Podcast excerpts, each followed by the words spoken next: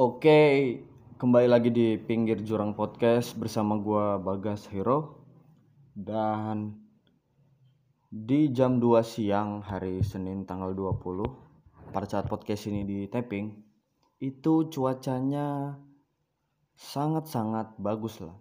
Bagus dalam artian hujan deras terus berhenti terus hujan sedang berhenti menjadi gerimis. Beuh, itu menurut gua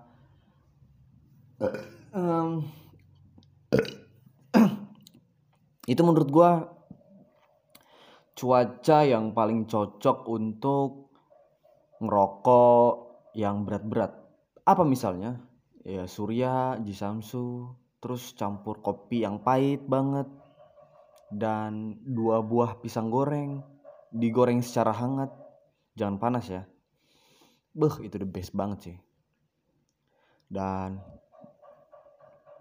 20 Februari ini pada saat podcast ini di tapping ada berita yang menurut gua seharusnya berita ini nggak harus ada sih. Tapi kenapa sepertinya berita ini minimal satu lah tiap tahun itu ada yaitu penggerbekan gereja. Um,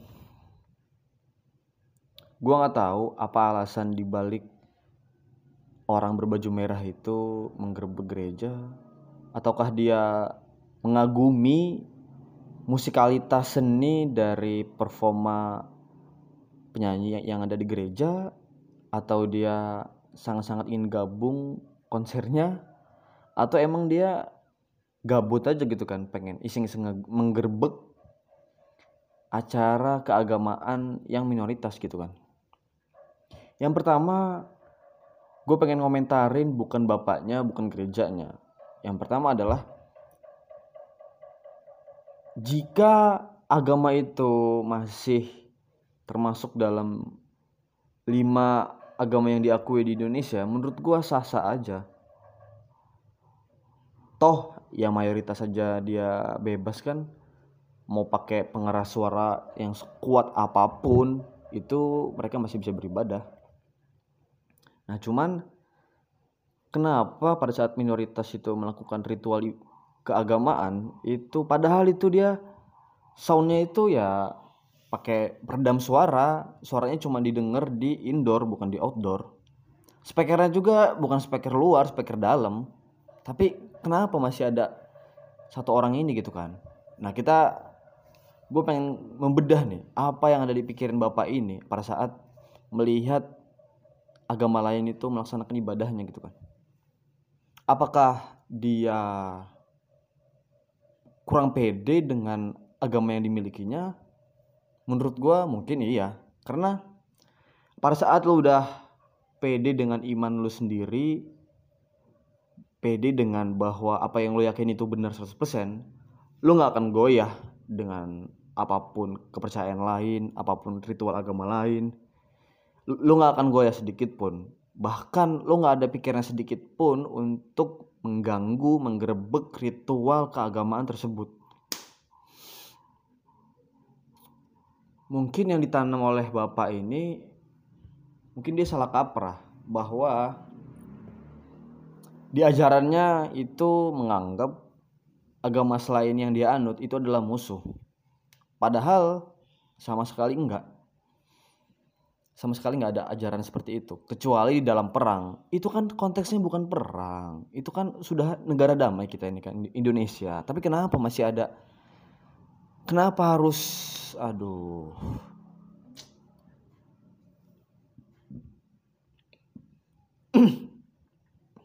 Makanya nggak jarang ya gereja di kota-kota besar itu didirikan di dalam mall. Di lantai 3, lantai 4 terutama di Jabodetabek tuh kan yang susah izin.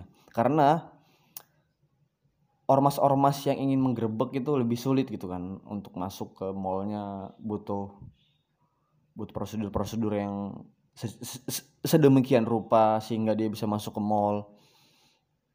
Sedangkan yang bagian musola itu biasanya di basement yang tempat-tempat panas itu.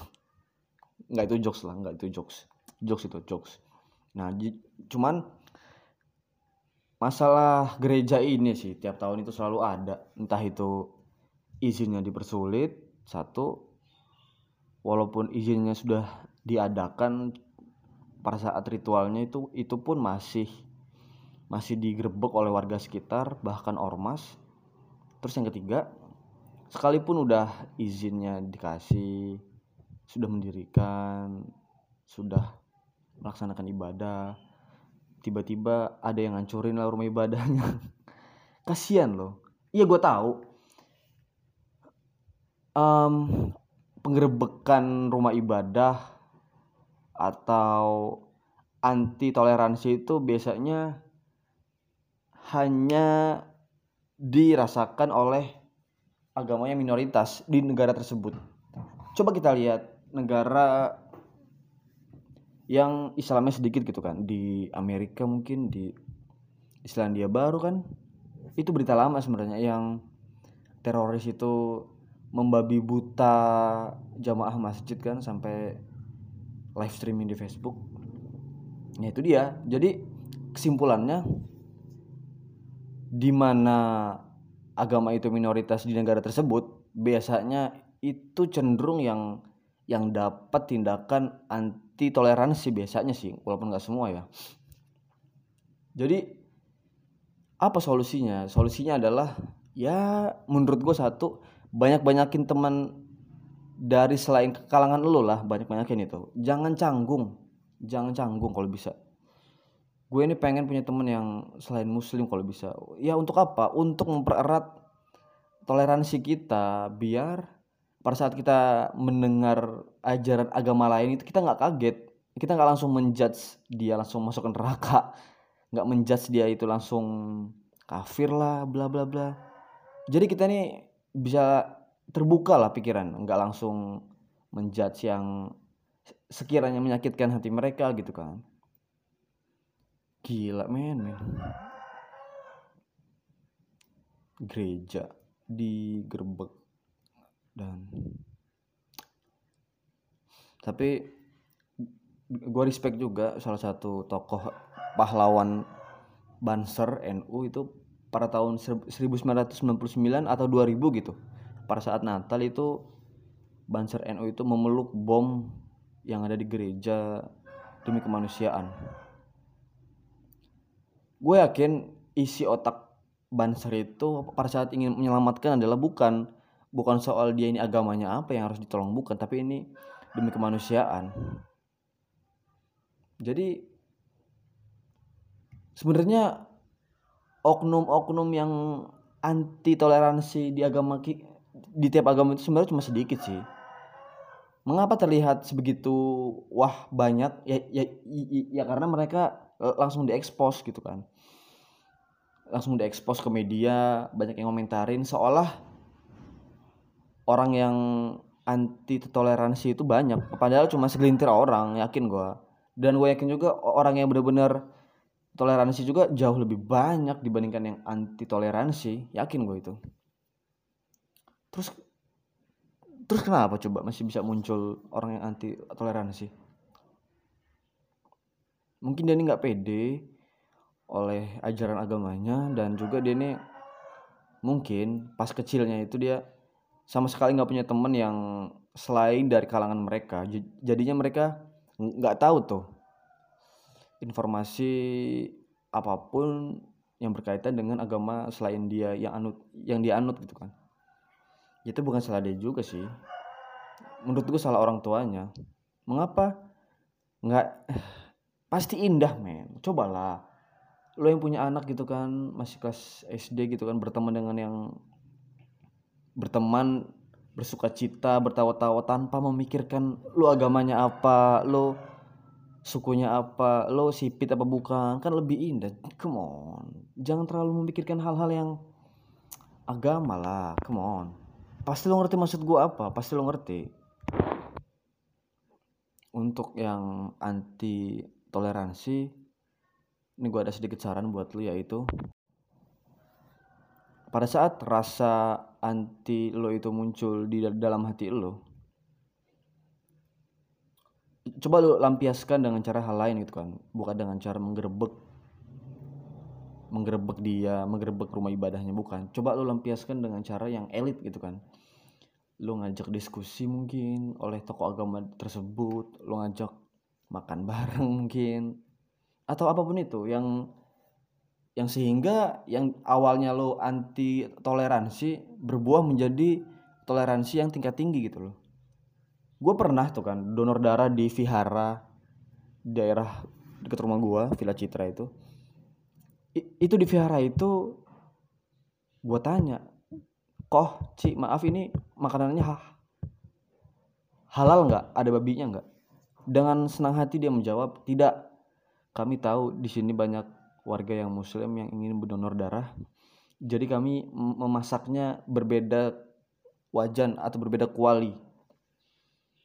Nah itu menurut gue salah satu toleransi yang bagus lah. Coba lah lu jangan nge-expose yang anti toleransinya justru itu malah makin menggebu-gebu malah makin viral. Yang lu viralin adalah toleransi lu dengan cara sekecil apa pun. Lo lo harus expose lo harus posting gitu kan lo harus posting pada saat lo melakukan toleransi dengan niatan apa yang lo buat toleransi itu mengundang banyak orang agar berbuat yang sama yaitu toleransi gitu kan. Misalnya apa? Misalnya ya dengan sesimpel lo bermain dengan teman-teman lo bersilaturahmi pada saat Natal memposting aja. Lo memposting di rumah teman lo yang lagi Natalan itu, kan mengundang kan mengundang reaksi berbagai net, netizen kan. Wah ini toleransi banget. Terlepas dari perdebatan boleh enggaknya mengucapkan Natal terlepas dari perdebatan Yesus itu nabi atau Tuhan itu nanti dulu lah. Ya gimana? Come on Yesus di dua agama itu kan berbeda kepercayaan. Jadi jangan lo samain lah. Udah tahu agamanya beda. Masa mau disama-samain? Mau didebatin? Enggak men yang pertama adalah kuncinya lu boleh menganggap menganggap ajaran yang lu percayai yang lu anut itu benar 100% dan selain apa yang lo yakini apa pun yang lo anut itu salah semuanya masuk neraka. Boleh nggak? Boleh.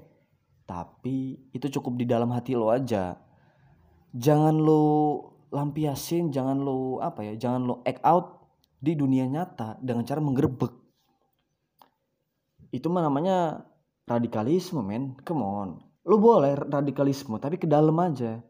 Jangan keluar. Jangan di acting jangan dilakukan gitu loh. Cukup di dalam hati lo aja. Lo boleh kok menganggap agama seluruh di dunia ini selain yang lo anut itu salah boleh.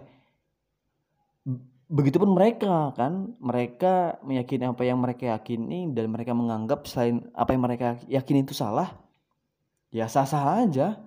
Kok malah lo yang tersinggung dengan cara menggerebek? Berarti lo nggak pede dengan apa yang lo pelajarin. Atau iman lo belum tebel untuk untuk meyakini bahwa apa yang lo yakin ini sebenarnya bener apa enggak sih gitu kan. Lo mungkin masih bimbang kepercayaan jangan-jangan. Makanya orang-orang yang menggerebek rumah ibadah itu apa pun latar belakang kepercayaannya ya mungkin dia itu kurang bergaul dengan cara yang atau dia itu salah mengartikan kitab yang dia baca gitu kan. Atau dia itu menafsirkan sendiri tanpa ada guru yang membimbingnya.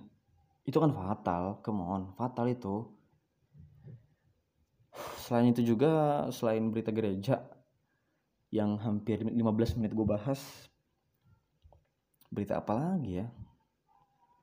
Sejauh ini nggak ada yang berita oh ya Torik Fuji nyatakan putus begini alasannya. Aduh setelah Lesti Bilar udah tenggelam Ria Ricis sudah tenggelam beritanya kenapa Torik Fuji itu langsung viral? Langsung diangkat oleh media? Gue nggak tahu deh kenapa trending di YouTube akhir-akhir ini tuh kebanyakan video short gitu?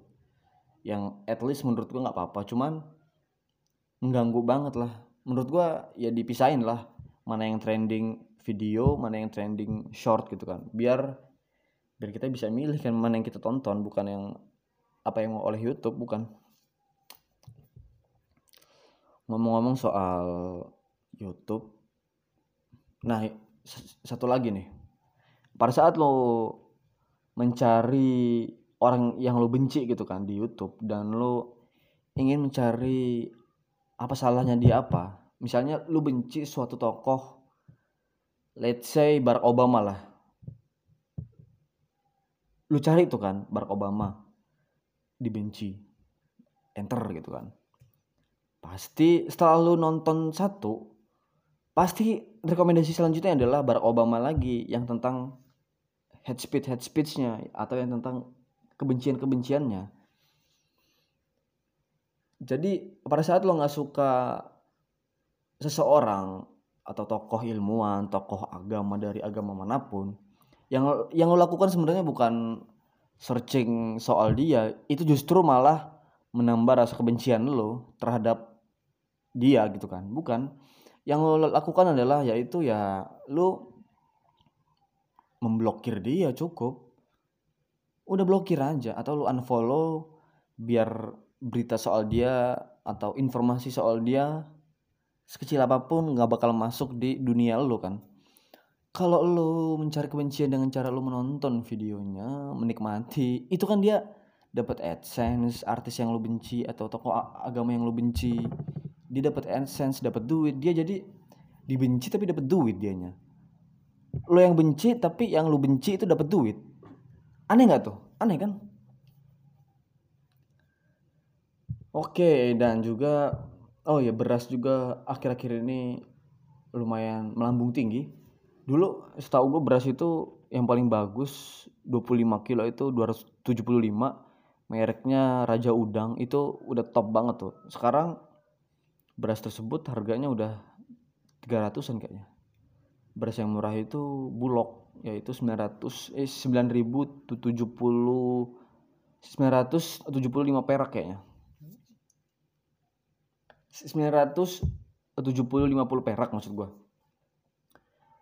Ya beras juga entah kenapa bisa naik mungkin. Makanya makanan-makanan sekarang itu naik ya karena berasnya juga naik.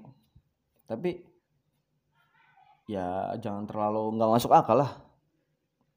Ya kalau cuma jualnya emang nggak enak porsinya sedikit ya selagi bukan di restoran ya kenapa lo mahalin gitu kan? Tapi beras. Beras. Beras kenapa bisa mahal? Padahal kita ini kan salah satu negara yang penghasil padi terbanyak kan di dunia. Tapi ada berita juga yang sampai mengekspor gitu kan. Mengimpor apa mengekspor sih? Lupa gua. Pokoknya negara kita ini nerima barang beras dari luar sana Chinese. Eh bukan nih bukan negara kita ini mengekspor beras di China sampai ber bertonton lah pokoknya. Tapi sama Cina itu di di apa ya didimin bukan di untuk dijualin. Apa namanya tuh istilahnya itu di dipendem lah biar buat stok nanti. Misalnya nanti suatu suatu tahun nanti ada, akan ada rasi uh, krisis pangan nantinya. Makanya di Cina itu sekarang lagi gembor-gembornya dia menerima barang beras dari luar agar nanti pada saat krisis pangan ya mereka udah sedia makanan yang banyak kan. Itu nggak tahu sih gue itu menurut gue cerdas atau jahat. Ya, ya terserah dia lah. Lagian eh kenapa juga kan pihak kitanya mau mengekspor beras ke Cina kan sampai berpuluh puluhan ribu ton kan. Sedangkan di negara kita aja kan perlu beras pasti kan.